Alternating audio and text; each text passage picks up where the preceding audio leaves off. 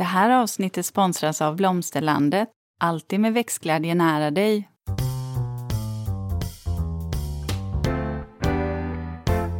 Välkommen till Ulrika och Lindas trädgårdspodd. Och det är jag som är Linda Kjellén, trädgårdsmästare. Och det är jag som är Ulrika Levin, trädgårdsdesigner.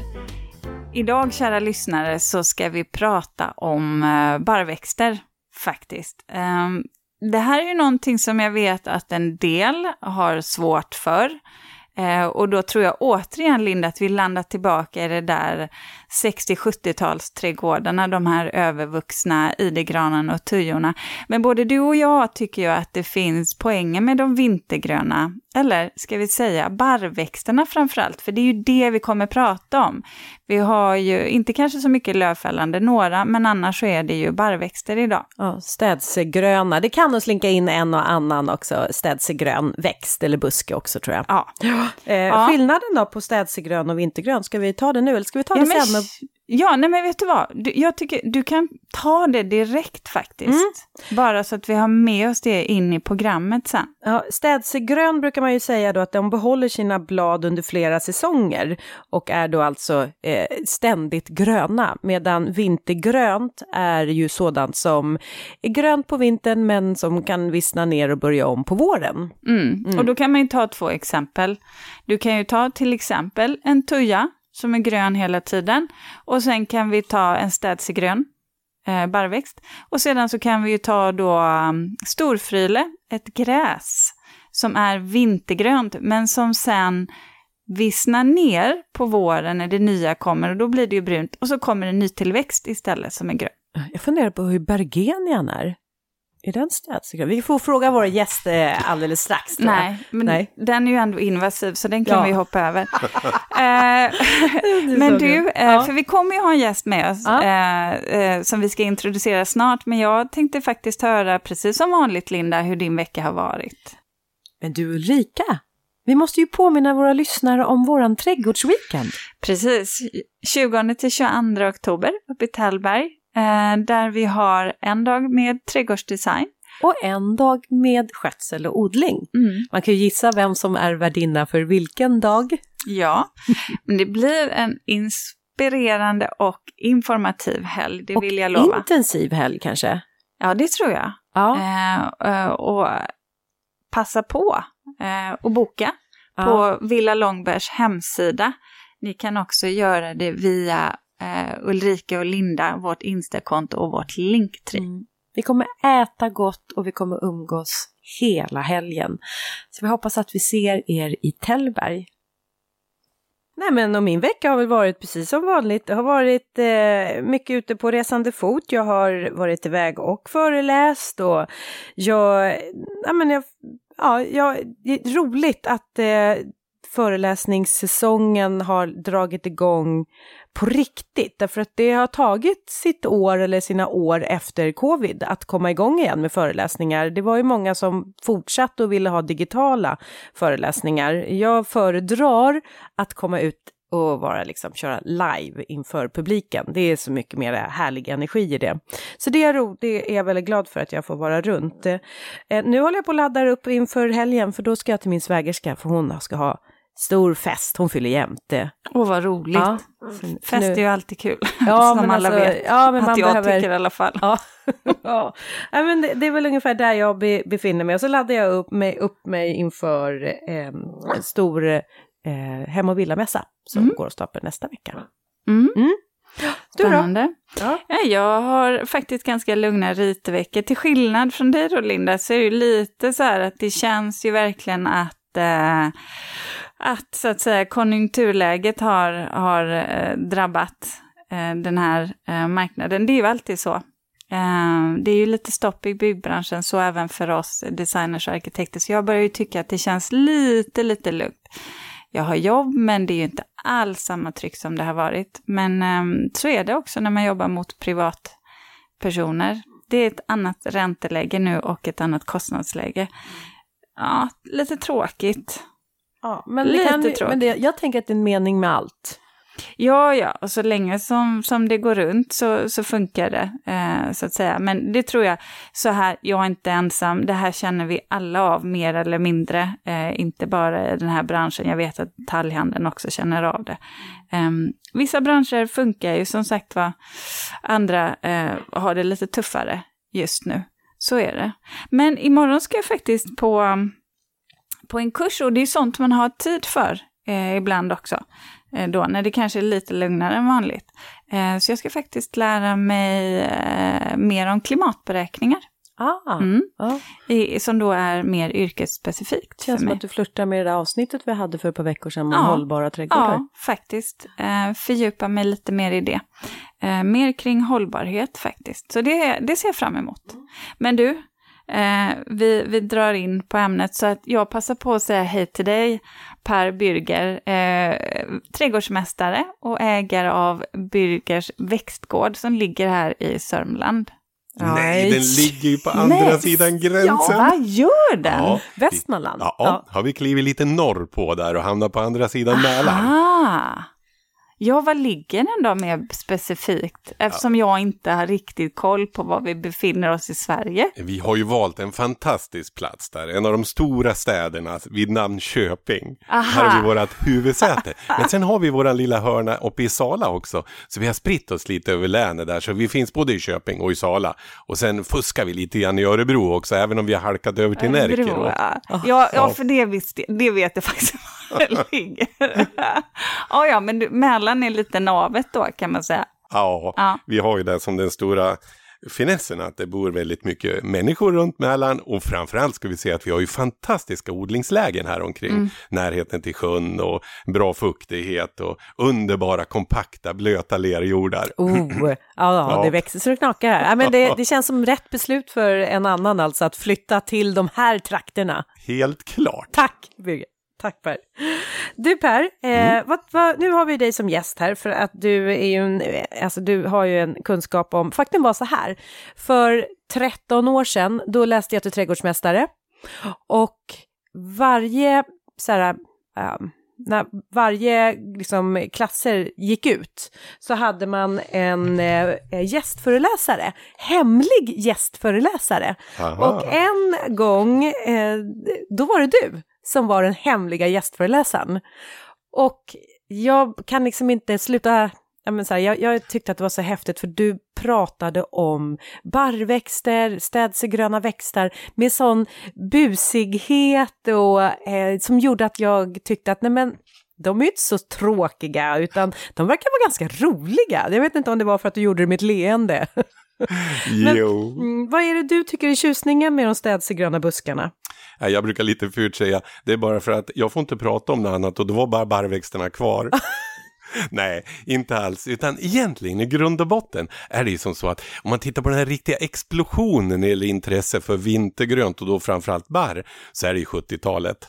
Ja. Och det här 70-talet var ju så att man rusade till sin plantskola och köpte så snabbt det bara gick en tuja occidentalis smaragd. Ja. En riktig smaragdtuja. Ja, en och en, man köpte alltid två en på varje sida om trappen och sen skulle det bli lite slottslik där hemma. Mm. Och det här var ju en pampig period, varenda trädgård blommade upp tänkte jag säga, de grönskade upp ska vi säga, i barrväxter i alla tänkbara former och modeller. Men sen ska vi väl också säga 70-talet ligger lite tillbaks i tiden. Och de här växterna i alla former vi har, de har ju benägenhet att leva sitt eget liv. De blir större, de kanske ändrar karaktär och den där lilla smaragdtöjan som man hade mm. läst på lappen att det stod en och en halv meter hög på. Men man hade ju förstås inte läst all text på lappen utan det stod ju också med väldigt små bokstäver efter tio år. Ja, exakt. Och det var ju då som så att efter tio år, då stod de här och var ganska perfekta. Efter tolv, kanske lite för stora. Efter 15, det var då de började knuffa på tegelpannorna. Ja, och sen vet vi det hela. Motorsågen åkte fram och man bestämde där ute i stort sett i alla trädgårdar. Vintergröna växter, nej nu ska vi ha pluttinuttiga små perenner istället. Ja, men grejen är ju det att det är så roligt för att precis som eh, jag då som är född på 70-talet, det är så det slår nästan aldrig fel att om det är, jag kommer ut till kunder som är födda eh, slutet på 60-talet och under 70-talet, om det är något jag frågar, eh, frågar, är det något ni inte gillar? så är det inga barrväxter. Absolut inte barr. Och då säger jag, ja men vad är det för, du vet barrväxter är ett stort släkte. Kan, för jag menar det kan vara skillnad på en formklippt idegran kontra en övervuxen tuja. Men alltså jag, det där har satt sina spår mm. kan jag säga. Återigen Linda, som vi pratade om, det är lite trauma. Eh, det där med, med de där övervuxna barrväxterna som nästan överfaller en. Och gärna via entrén. Mm. Precis Av någon märklig anledning. Ja. Det känns sällan mysigt, däremot ganska mörkt och murrigt när man ska snitsla sig förbi de där eh, grenarna som hänger in över dörren. Men du som driver nu en växtgård, eh, en butik, du har ju också kontakt med kunderna, alltså mm. svenskar här nu i landet. Vad, hur verkar de, hur verkar det vara med intresset? Eh, intresse för trädgård är ju förstås väldigt högt och då är det ju förstås de kunderna som kommer till mig. Men en ganska tydlig grej är precis det du redan sa, att många kommer in och säger ja, jag vet inte om jag vill ha barr. Och då brukar jag alltid passa på att gå den här vägen förbi barret innan vi möts av de vackra hortensiorna, de underbara perennerna och alltihopa. Och alltid stannar man upp och säger, du vänta, vänta lite, du det här var en läcker lite, nej det där är en barrväxt. och det brukar vara en ganska bra inkörsport i det här vintergröna sortimentet. För vi ska väl idag säga att det, dagens barrväxt, det är inte den förvuxna tujan, det är inte den spretiga idegranen, det är inte det här som vi såg i gamla tider i form av bergtallar som kröp upp i alla garageinfarter och alltihopa. Utan idag är barret precis vad man vill göra med det hela. För barrväxter är ett fantastiskt stort sortiment. Vi kan hitta små pluttinuttiga grejer som inte blir större än en knytnäve under sina första tio år. Och vi kan hitta sånt som gör att man absolut inte behöver se grannen, inte ens på vintern. Nej, precis, någonsin. Så att vi kan väl säga funktionen när det gäller barr, det är nummer ett. Men sen ska vi väl säga, många gånger måste man ju kanske motivera sig varför man ska ha vintergrön i trädgården. Och då säger de flesta, ja det är väl bara för att det ska bli lite grönt. Nej, utan Nej. vi målar med det vintergröna. För tittar man på det här vintergröna så är ytterst få grejer som bara är gröna. De är grågröna, de är stålgröna, de är gulgröna, de är saftigt gröna och så vidare. Och dessutom har de otroligt fina silhuetter. Alltså de har fina former från klot, pyramider, riktiga monster i modellen. Och det gör nog att tittar vi på dagens moderna trädgård så är det väldigt svårt att inte plocka in den här gamla barrväxtstammen fast i ny form.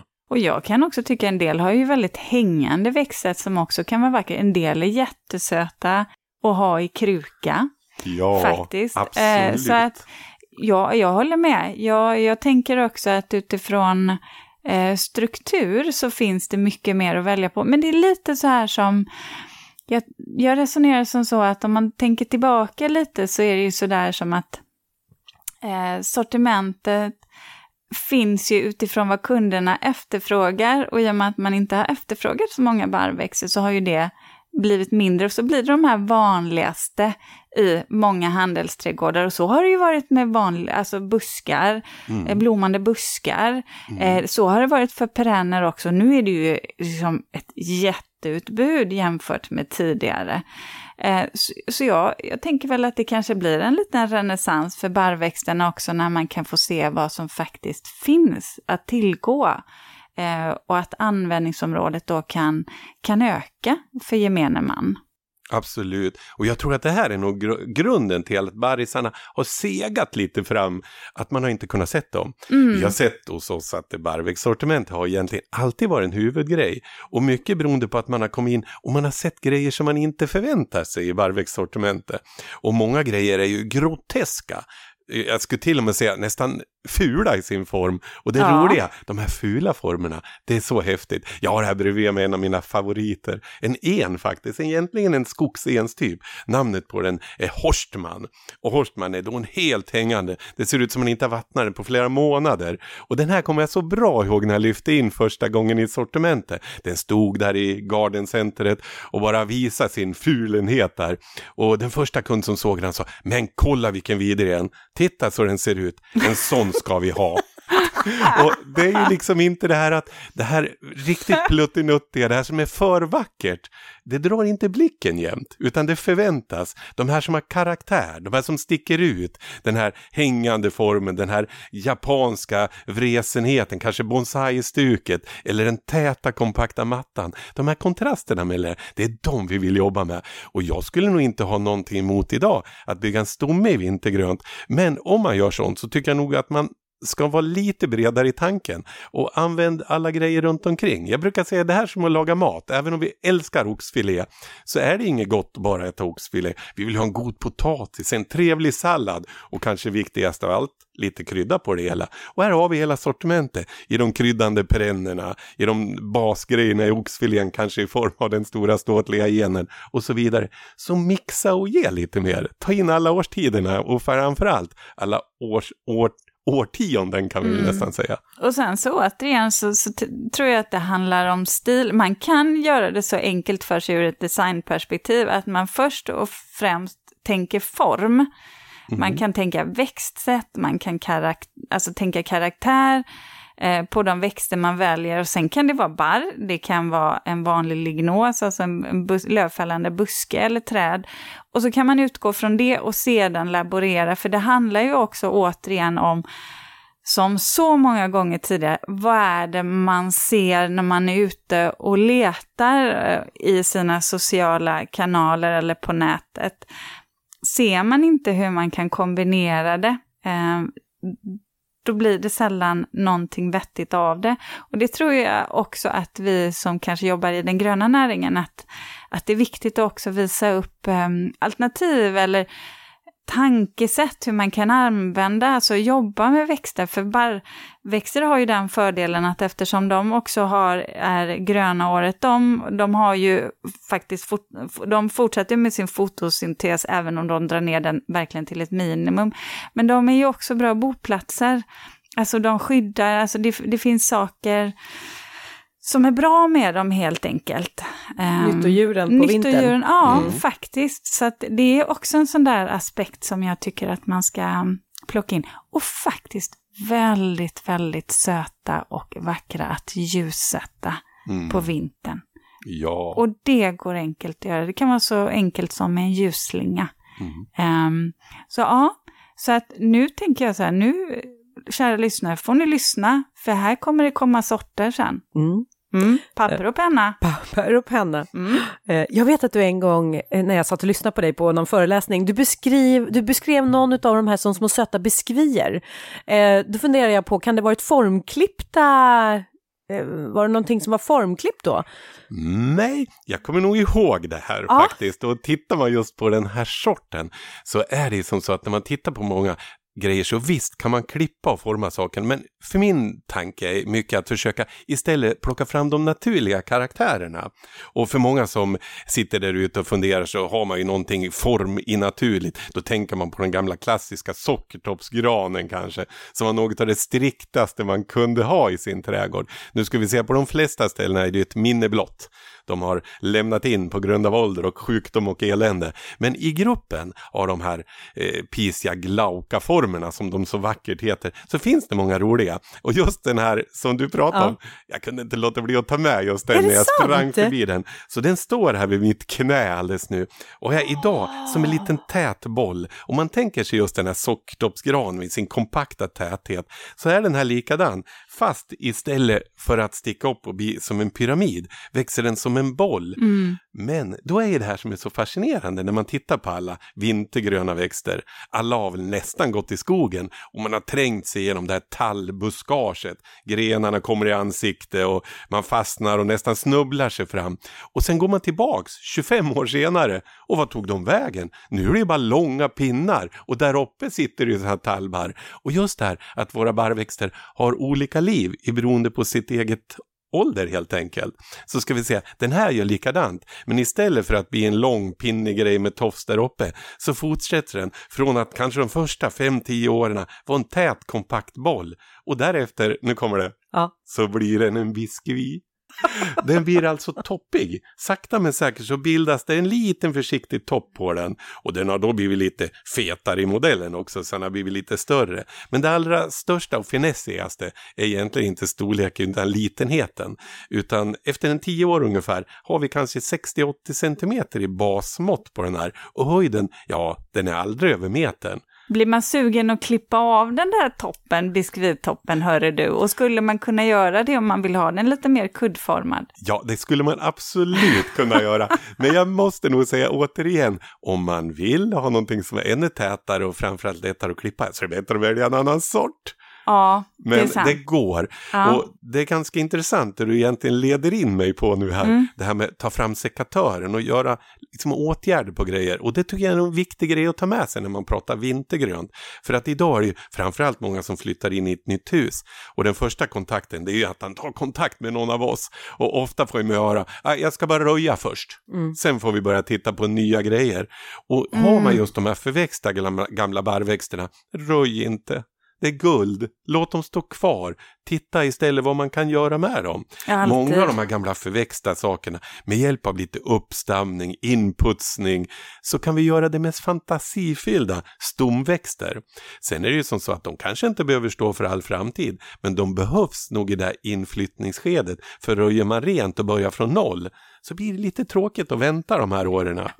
Så här, det finns alltid ett ekonomiskt värde i stora uppvuxna växter. Eh, och här, återigen, det har vi pratat om många gånger, Linda, att eh, innan man börjar plocka bort någonting så måste man så att säga verkligen ha tänkt till varför eh, man gör det och att inte bara raka ner allting direkt. Men jag tänker så, kan vi inte ändå prata om det när du tar upp det här Per, för att det här eh, är ju intressant när vi pratar beskärning. Eh, en lövfällande buske, blir den lite kass, en gren, så kan man ju klippa av den och så bryter den nytt. Men hur är det egentligen med till exempel en tuja eller en annan barrväxt som har eh, brunt så att säga, där en gren har så att säga blivit helt brun. Kan man liksom väcka nytt liv i den eller hur, hur funkar det eh, med att beskära växter som har blivit bruna? Mm. Jättestor variation kan vi först säga beroende på vilken grupp av växter vi vandrar in i. Det allra vanligaste är det ju trots allt det du nämnde nu, tuja. Och framförallt den där tujahäcken. Som Ja. kanske hände något eländigt med. Det kanske var som så att bilen kom väldigt närma någon gång. Det gick en grannes hund förstås väldigt närma och lyfte på benet. Eh, det kanske var en liten taskig vinter eller någonting annat som påverkar den. Och har vi i tujahäcken fått bruna partier och då är det oftast inte bara en gren utan det är en fläck helt enkelt. Det är flera bruna grenar. Så kan vi säga som så att det är ytterst sällan de bryter om. Det är ytterst sällan de alltså bildar nya skott från den här gamla torra grenen. Och är det då tujahäcken som är det vanligaste så är det faktiskt bara att gå ut med handen, känna på dem, känns de mjuka, låt dem sitta kvar. För en mjuk gren, den har ofta transporten av näring kvar i sig och då kan den faktiskt skjuta ut nya skott, även om den är äldre i modellen. Men alldeles för ofta, så när man känner på den där, tjup, så går de av, de knäcks helt enkelt. Och då är det kört med den grenen. Men om det nu är tujahäcken så är det bara fram med saxen, klipp bort det här fula, för brunt tycker vi inte om. Nej. Vi vill ju ha grönt. Mm.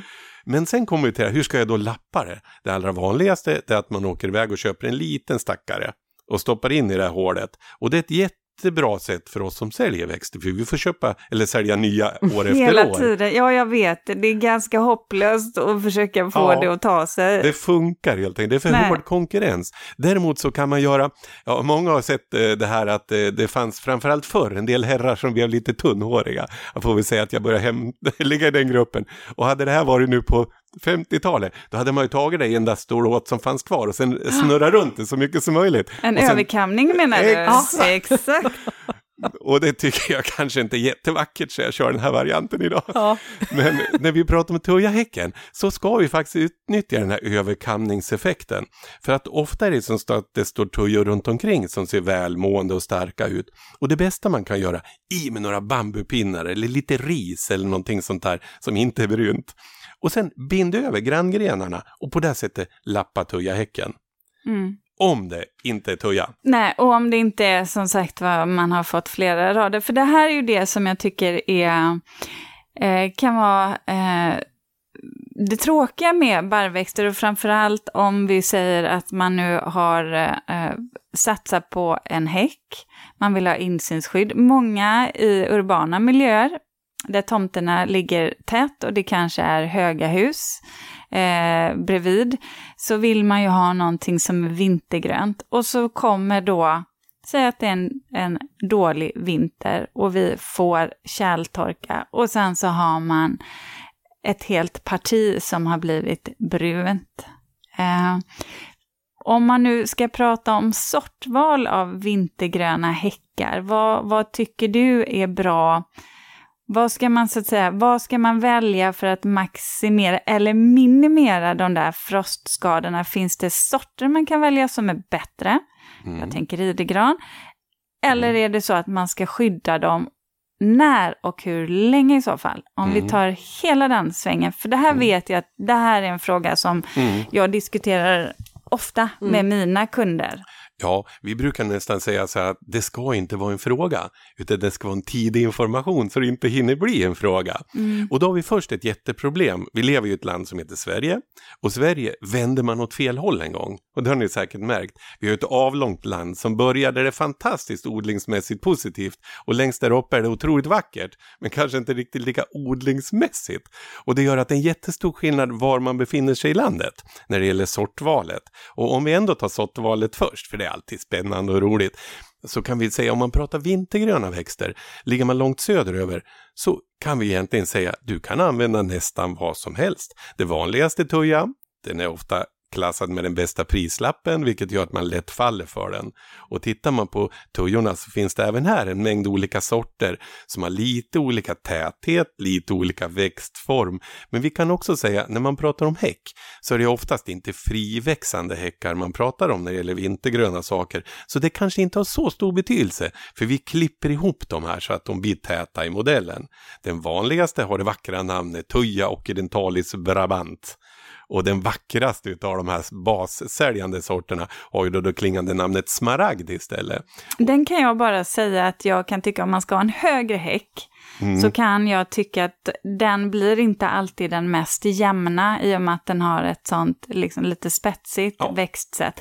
Så då kan jag tycka att Brabanten faktiskt är bättre. Självklart. Och mm. just det där Jämnare. som du sa nu tycker mm. jag är mm. jätteviktigt att markera. Jag brukar säga, vill man ha ett fort runt sin ja. tomt. Då är smaragden fantastisk när man ser de spetsiga topparna stickande igenom. Men vill man ha den där jämna, frodiga häcken så tycker jag nog ändå Brabanten är helt och hållet bättre som häck. Mm.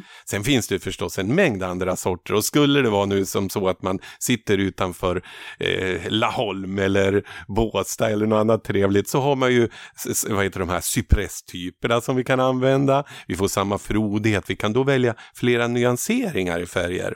Men kommer vi upp här i Mälardalen så brukar jag säga att det går jättebra att plantera och de kan faktiskt bli snygga i flera år. Men ofta så är det en mycket begränsad livstid på grund av att de lättare tar vinterskador helt enkelt. Men sen finns det mycket annat roligt. Mm. Och vi ska ju förstås plocka fram idegranen som vi har hört där. En av de stora favoriterna. Jag brukar säga att det är lite ja. Rolls-Rollsen. Jag mm. älskar dem. Ja. Jag tycker de är ljuvliga. Mm. Jag har dem här utanför nu tack ja. vare dig Ulrika. Ja. ja, de kom med Linda. De kom med. Ja, det är fan... Sen är ju, om vi nu ska gå lite på djup i det här, så finns det ju mängder med sorter av idegranar ja. också. Och knubbiga saker och det finns pelaväxande former. Och tittar man på de här så ska man tänka lite grann på vilket snötryck man har i den platsen man bor. Har man ställen där det är väldigt mycket blötsnö ofta så gäller det verkligen att få de här med en genomgående stam, med sidogrenar så de kan snöa av. Har vi de här klassiska sorterna så blir de ofta så täta och så knubbiga så att de blir istället hylla för blöt snö. Och då vet vi att man kan lasta en hel del saker på en hylla men till slut så blir det för tungt. Ja. Och är det då en idegran så blir det en krypform av alltihopa ja. Och det är väl inte tanken. Nej, det kan, det kan vara väldigt tråkigt om den är formklippt eh, mm. och sen så har den fläckt ut sig. Där får man vara på med, eh, med sopkvasten i så fall. Vad säger vi för zon då på idegran? Olika ja, beroende. Vi, vi, har ju en ganska fascinerande, jag, nu är jag sån där antizonmänniska ja. får jag väl direkt säga här. Ja. Jag tycker vi ska ta bort zonerna för att ja. det är så många andra faktorer som är mycket, mycket viktigare än zonerna att prata mm. om. Men om vi säger att vi ser till att vi får bra grundförutsättningar, steg ett, väldränerad mark, en hyfsat näringsrik jord, en bra placering och då pratar vi om kanske inte allra stormigaste, och blåsigaste plats och så vidare. Att vi på det sättet plockar fram faktorer som säkert är tio stycken olika. Sen tar vi med zonen också, för det är i alla fall en liten fingervisning. Och tittar vi på det här så kan vi säga i de här trakterna, där, där kan vi använda många sorter utan problem ändå. Mm. Och tittar vi just på idegranen, en höjdare. I gamla tider så lyfte man in bergtall och dvärgtall och satte garageinfart. Varför inte sätta en häck av tall? Fantastiskt läckert. Men det är som allting annat när man pratar om häck de går inte själva fram till ett bra resultat, utan man måste hjälpa till. Och är det en tuja så går det ganska bra att fuska lite i början, men sen måste det klippas, annars blir det allt för mycket sönderbrutet. Tittar vi på cypresserna, lika sant. Tittar vi på idegranen så kan de faktiskt många år stå oklippta av den stora finessen att idegranen är en av de här grejerna som vi nu kommer tillbaks till, den här frågan som ja. du ställde. Kan man klippa dem? Och idegranen har den stora finessen att även en misslyckad idegransäck, en bra idegran säck. För att här kan vi gå in, klippa hårt. Den bryter snabbt och lätt om med nya skott.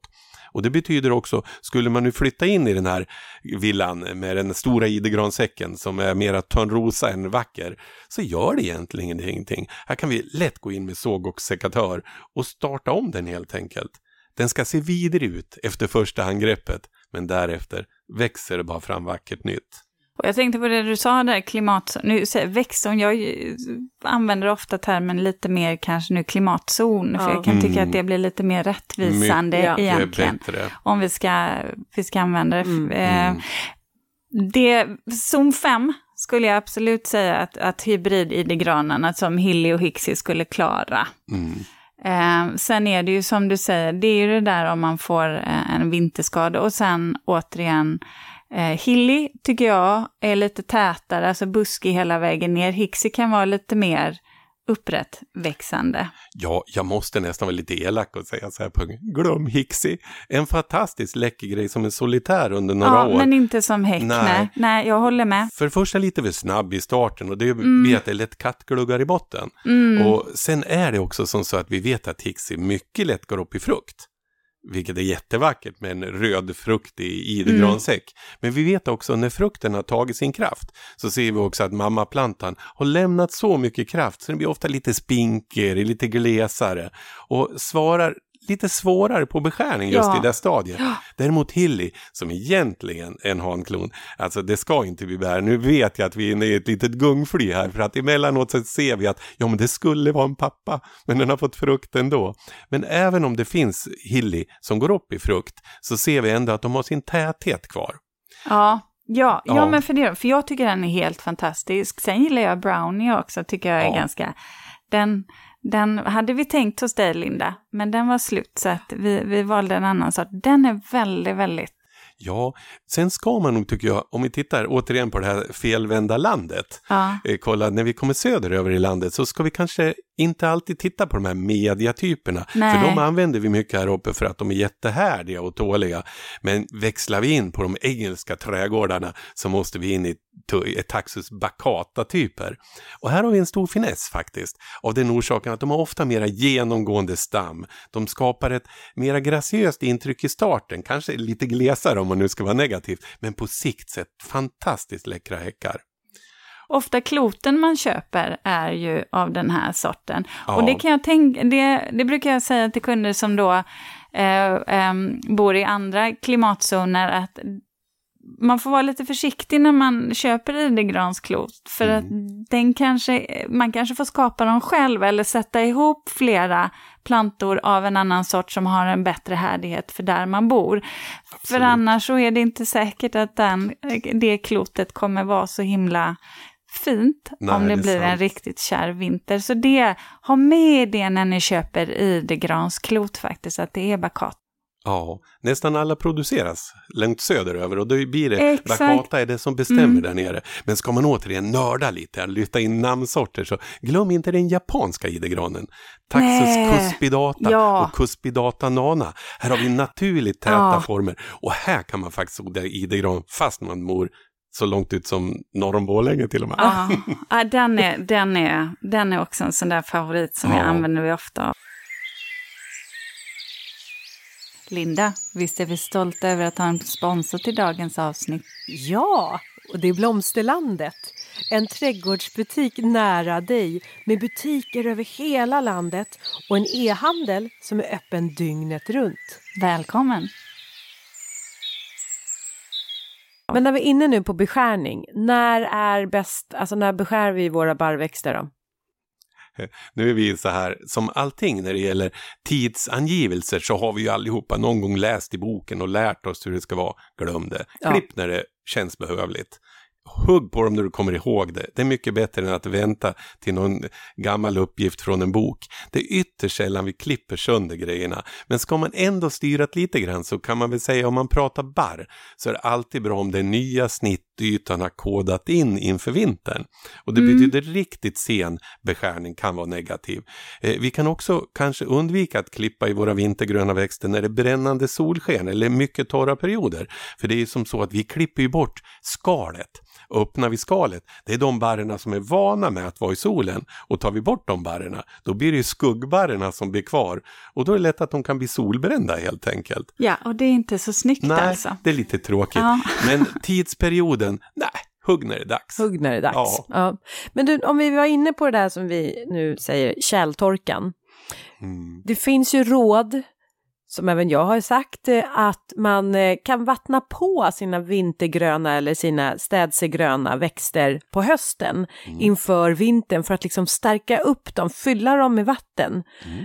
Är det någonting du håller med om? Ja, absolut. Och tittar vi den perioden vi står i just nu så är det ju otroligt vattenmättat just omkring där vi befinner oss. Men vi behöver faktiskt inte långt västeröver förrän det fortfarande är jättetort. Jag pratade med en dam i Molkom igår här och jag sa ja, jag kommer nästa lördag och prata lite och se det här. Men ska vi prata om näckrosor eller vad ska vi ta för någon? och sa nej, vadå? Här uppe är det så torrt så vi bara längtar efter regn.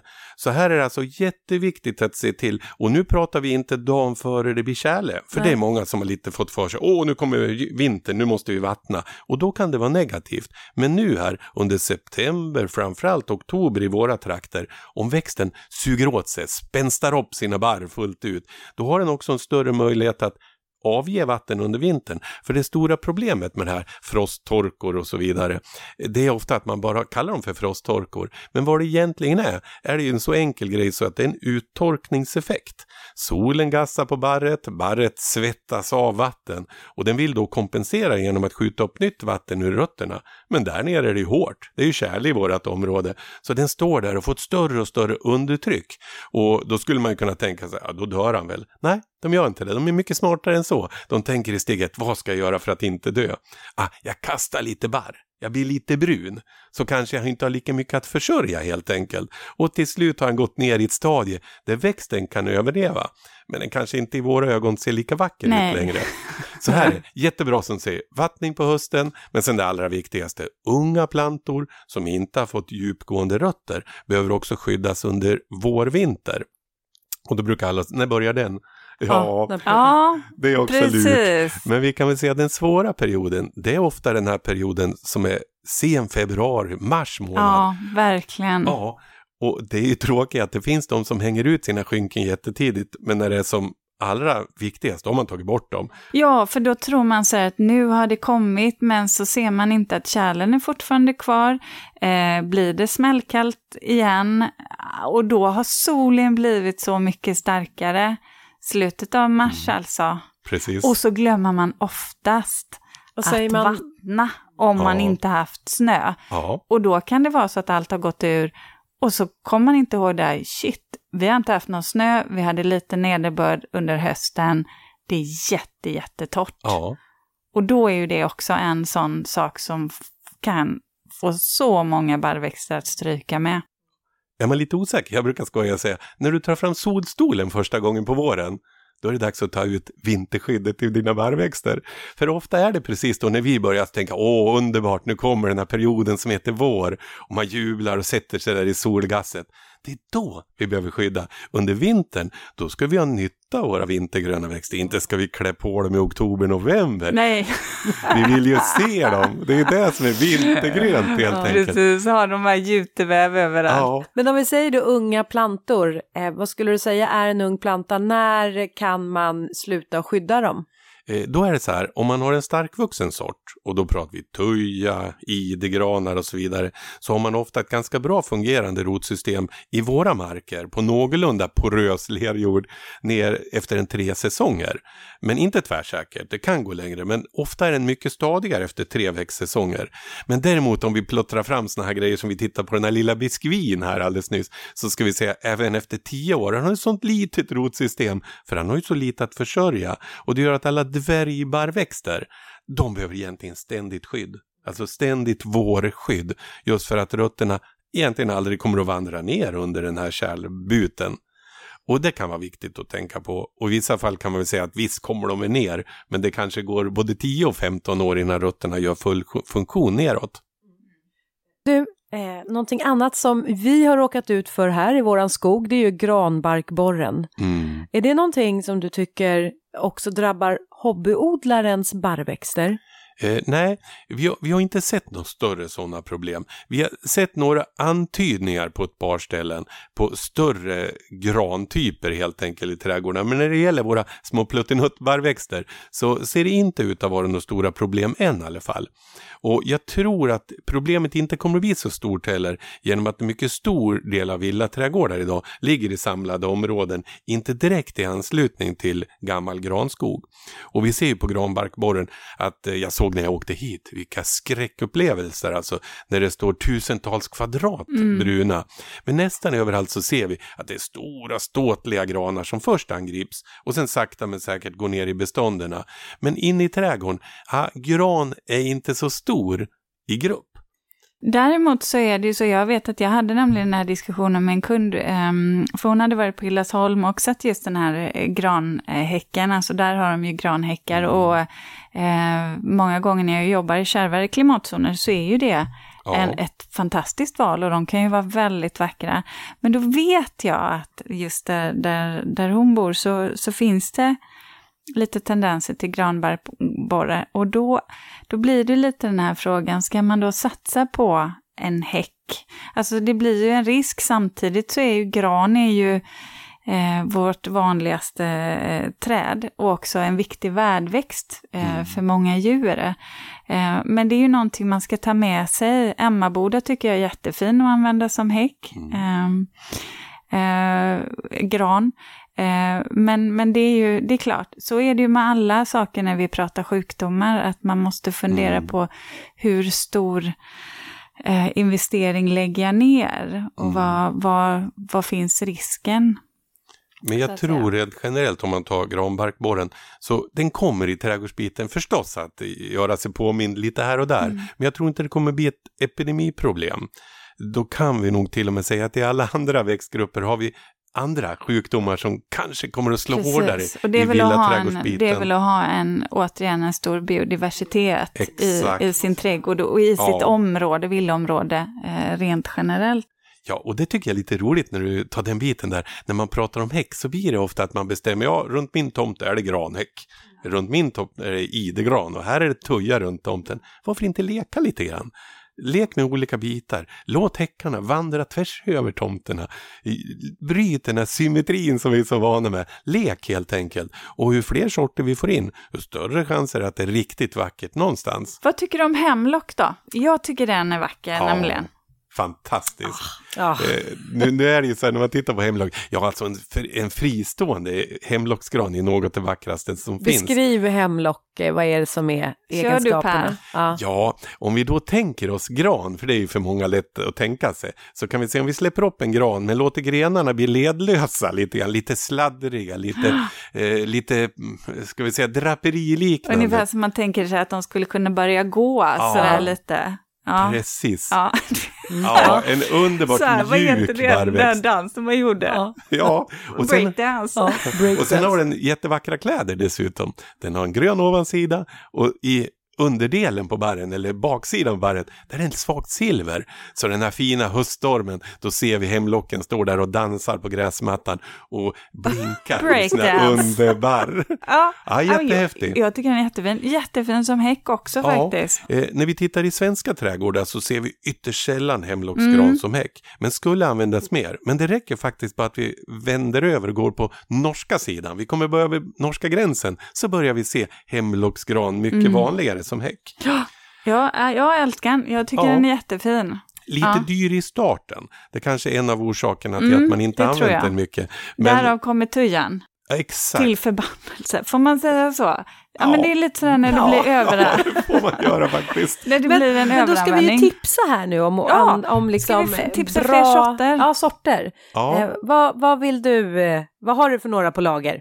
Eh, ja, eh, om vi börjar. Ja, det där är ju alltid det här svåra. Jag, jag brukar alltid få en fråga, din favorit den är omöjlig. Ja, och nästa grej, vad, vad, vill du prata om för sorter? Och då får jag säga, hos mig så finns det ungefär 600 namnsorter i barrsortimentet. Du får säga bryt här efter ett tag, när du har börjat. om vi gör så här att, för det första glömde vi en grej här som det finns säkert någon som är lite smått irriterad nu och säger, men de pratar om en liten biskvi alldeles ner.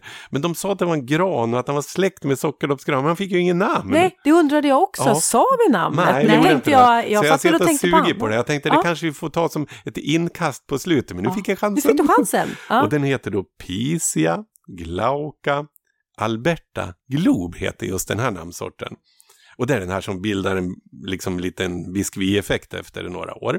Den har också mängder med kompisar i fågelbogran-liknande former, i andra små tätheter. Och alla kan vi säga att de kommer ur en sån här lite eh, fuskig grupp, man brukar kalla dem för häxkvastar. Och det är egentligen naturens misslyckningar. Jag hade Skogsbruksskolan på ett litet studiebesök för, ja det är nog ett par år sedan nu. Och det var så roligt, jag fick prata barr nästan hur länge jag ville. Och avslutningen var en av lärarna som tog upp det hela. Ja, det var ju intressant det vi har sett. Men hade det här varit någonting som hade att göra med våra näring, då hade vi sågat bort det för länge sedan. Ah. Och vi kan väl säga naturens misslyckningar, det är ju det vi kallar för trädgårdssuccéer. Så nästan allt vi har här, ja, det har man väl släppa in här, det är sånt som egentligen inte alls ser ut som det borde göra i naturen. Men då jublar vi. Åh, en raritet! En raritet. Vad har du mer Alberta Glob tycker jag absolut. Mm. Eh, bredvid den har jag en sån här som man ska börja med om man inte tycker om barrväxter. För det är något av det de allra flesta tycker är det vackraste hela sortimentet i mm. starten. Och det vi ser, det är en liten japansk dvärgcypress. Chamacyparis, obtusa, nana, gracilis. Mm. Och den har då en mängd kompisar också i gula former, i eh, ännu mer spretiga former. Ja, vi kan hitta hur många som helst bara i den gruppen. Men den här är rolig om man framförallt bor upp till Mälardalen. Flyttar vi vidare norröver så får vi säga skyddade lägen. Och nu vet jag att vi har några riktiga barrväxtsamlare, ja ända upp i runt runt Pite, Öjebyn och i det där området som har jättevackra såna här också. Så att, rätt plats bra med snö så kan vi säga går det kanske till och med bättre än här nere i Mälardalen. Men Obtusa, Nana, Gracilis, japansk dvärgcypress, åh så läcker. Vacker Nästan... färg. Ja. Mm, schatteringar från ja. mörkgrönt till ljusgrönt i spets. Jag brukar ofta för den ser ut som grönkål. Mm. Ja, och det gör det. den faktiskt. Lite, lite så i växtsättet. Ja, ja, inte lika god. Ja, då ska vi se tallen då. Eh, ja, titta, här har jag en tall också. Ja, eh, att prata tall är ju nästan omöjligt att låta bli för det är ett så brett släkte och vi pratar om tvåbarriga, trebarriga och fembarriga och det brukar jag säga det är totalt ointressant. Det egentligen räcker att de är vackra. Och tittar vi på våran skogstall där ute så är den jättevacker. Tittar vi på Sembratallen som vi framförallt ser spridd oändligt intensivt när vi kommer upp Norrgävle, Hälsinglands stora trädgårdstall, är ju den här Sembratallen. Jag kommer ihåg första gången jag tror jag var i Delsbo och pratade trädgård och så skulle jag med lite till där uppe och tog en bild på Sembratall och alla sa ja ja det har vi allihopa. Så när jag åkte hem då tittade jag lite djupare i trädgårdarna. Ja, på gårdarna ska vi säga. Och då fanns det sembratallar precis överallt. Här nere hos oss ser vi dem nästan aldrig istället. Vad Men, har du där då? Här har jag någonting som jag tror också skulle tilltala de allra flesta som gregar lite vill ha någonting som sticker ut i trädgården. Och det vi ser det är en silvertall. En mm. Eh, japansk tall egentligen från första början. En Pinus parviflora. Och de här parviflora finns i massor med varianter. Den här vi tittar på nu, den heter Glauca och är en av de mest sålda namnsorterna. Och då brukar folk också säga, men hur blir han när han växer vidare? Och då brukar jag säga, det har jag ingen aning om. För det är det som är så häftigt med de här, för att de beter sig lite som de själva vill. Så sätter vi fem stycken på rad så kan vi förstås se att de är Pinus parviflora med sina barr och sin gråa botten och sin gröna ovanfärg på barret. Men växtformen varierar så mycket så att alla blir sitt eget lilla konstverk. Och skulle man nu vara en sån där som har tittat på bonsaiernas värld så får vi säga den som då inte har köpt en Pinus parviflora, en silvertall och angripit lite försiktigt med sekatören, han har mycket framför sig. För att här får vi alltså en växt i tallsortimentet som skapar bonsai-utseenden utan arbete nästan, på lite försiktig formning så får vi det här knotiga, lite vresiga, oregelbundna den är svårt att låta bli tycker jag. Ja, mm. Den är fin färg. Ja. Jag tänker, du, du får en till, sen behöver vi helt enkelt så att säga runda av. Ja, ja, vi tar väl en liten pyttis till här då. Och här kommer vi in i en grupp som heter Abies koreana.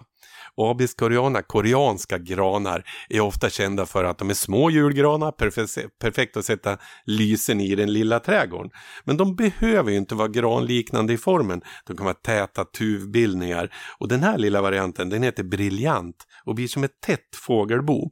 Mörkt, saftigt grön, det låter alltid fult att säga att bladen ser plastiga ut, men det gör de faktiskt. Och sen om vi vänder på dem så är de silverfärgade på undersidan. Och då hittar vi massa roligt i den här gruppen. För i gruppen koreanska granar är det mängder med muteringar. Många sorter som har vridit barrerna, ja faktiskt den mest extrema som heter kotshäxe. Den har vridit barret så mycket som man ser bara det vita. Och dessutom har han permanentat sig så att han är helt vriden i barret. Och ska man ha det mest extrema i sortimentet så tycker jag absolut att man ska ha en liten Abies, koreana, kotshäxe. Och vill man ha någonting mer neutralt så kan man ju gå mot den mörkgröna. Det är fin färg. Den, jag tänker den gör sig väl till både vårlök och till eh, höstfärg. Ja. Faktiskt. Nu, ja. nu när jag ändå får chansen, så här, och lyft, nu har jag, som ni har märkt har jag lyft fram en hel del dvärgformer. Ja. Och då är det många som brukar säga, men vad ska man ha dem till då? Ja. Det blir en jättetafflig häck av den här ja. briljanten. Man får ju ligga på sin tomt för att känna sig skyddad. Ja, det kanske inte är bra sorter i häckform vi har tittat på här. Men vi har ett användningsområde som jag tycker vi är jättedåliga att utnyttja intressanta växter på. Och det är en ganska intressant plats för många, där man besöker ofta. Och det är kyrkogården. Mm. Där vi ofta planterar i vackra isbegonier och silverekar. Och vill vi bräcka på lite grann, då blir det silverek och isbegonia.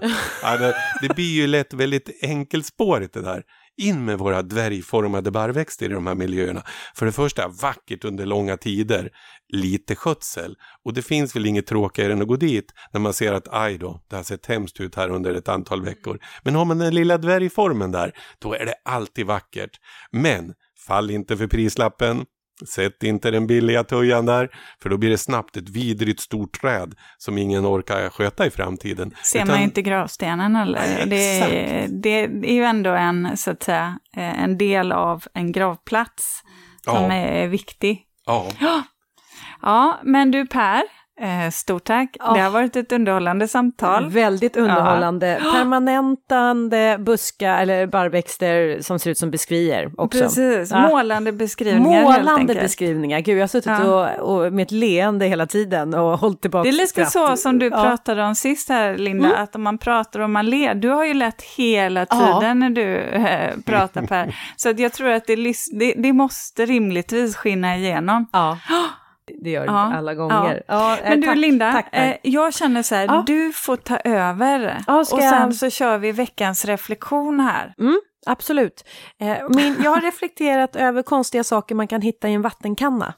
Okej. Okay. Ja, Eh, ja, men så här, ganska vanligt är ju när man kanske på våren börjar liksom, ta ut vattenkannan och börjar vattna och så eh, klockar igen och då är det ju fullt med löv där i och man står liksom och skakar och så här. Det är ganska naturligt och man tänker om det har nästan blivit som en liten kompost där i, tar man upp.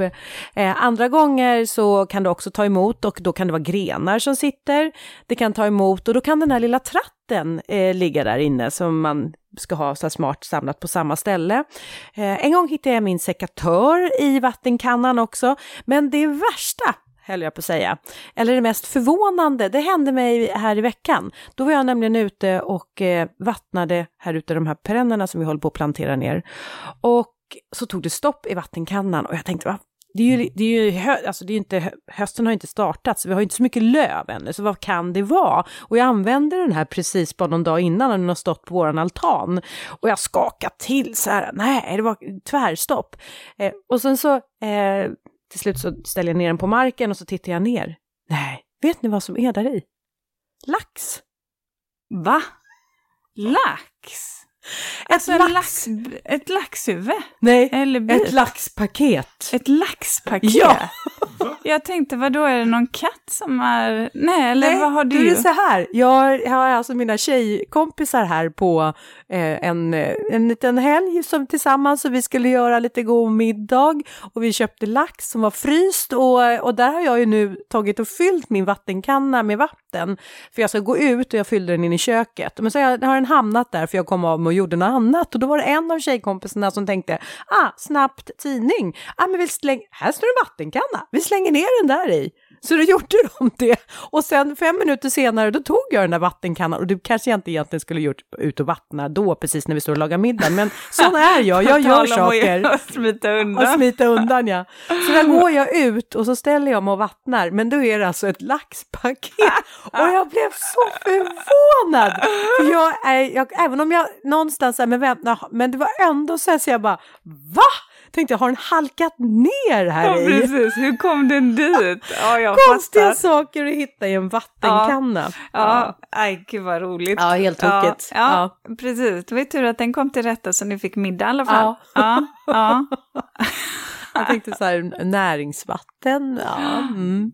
Ja Okej, få inte höra helt vad. Nej, eh, men, men, men, men jag, tänk, jag har tänkt på det här, eh, det här med, med maskiner som pratar med en eller människor som pratar med en fast man inser att de egentligen pratar om, med någon annan. Det har ni väl säkert varit med om att man får ögonkontakt med någon som ler och så kan de säga hej och så säger de någonting så tror man att eh, ja, du pratar med mig och så ser man, just det, de tittar bort ganska snabbt där sen och så ser man det är två eh, lurar i öronen och de pratar i telefon. Det händer ju ibland. Eh, och likadant så har vi hemma nu haft ett brandlarm som har fått totalt uppjuk. Den bara så här pling, pling, pling. ja, men det vet jag när vi var hemma Ja. hos er. Ja. Och så säger den så här att eh, kolla, det är fel på brandvarnaren, men kolla den i ett annat rum, typ. Att, så att vi har sprungit runt och kollat på alla brandvarnare. Och jag kan säga, jag är gift med en brandman, så att vi har ju verkligen brandvarnare överallt. Så här, och det, det, det är liksom, det är alltid fel på en annan brandvarnare, inte den vi tittar på, vilket gör att det blir helt så här, man blir liksom till slut schizofren, för då ska man byta batterier överallt. Det är som att kolla säkringar i huset och de här inte har. batterierna går ju inte att få tag på Nej, var det. som helst, utan de måste man ju special Beställa. beställa. Mm. Så, så det har vi också haft problem med. Och sen härom sistens så har vi ju Siri Ah. som finns i telefonen. Lite näpsig kan jag uppleva henne. Eh, och då, jag rör inte telefonen. Jag står och pratar med min man och så säger jag någonting som så här att eh, jag berättar om någonting som jag har gjort som jag vet var ganska korkat. Alltså jag inser själv att det, var, det jag gjorde var korkat och det säger jag, "Äh, det är ju ganska korkat gjort. Då svarar telefonen, ja, det är skönt att ha rätt ibland. Va?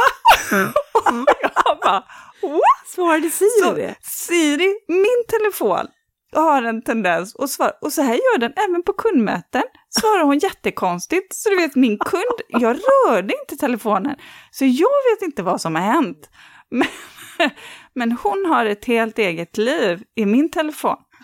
Så jag blir lite så här knäpp på näsan av min egen mobiltelefon. Så brukar jag säga, Siri, gå och lägg dig. Stäng av. Checka ut. Precis. Ja. Mm. Ja. Så hörni, kära lyssnare, jag hoppas att ni har fått mer inspo eh, om eh, inspo inspiration. Det var, kom ett Insta-uttryck bara rakt av. Om eh, barrväxter i alla fall. Ja. Tack för att ni har lyssnat den här Ja. veckan och så hörs vi igen nästa vecka. Om en vecka igen. Ja. Hej då! Hej då! lysande. Ja, jösses vilket avsnitt det här kommer bli.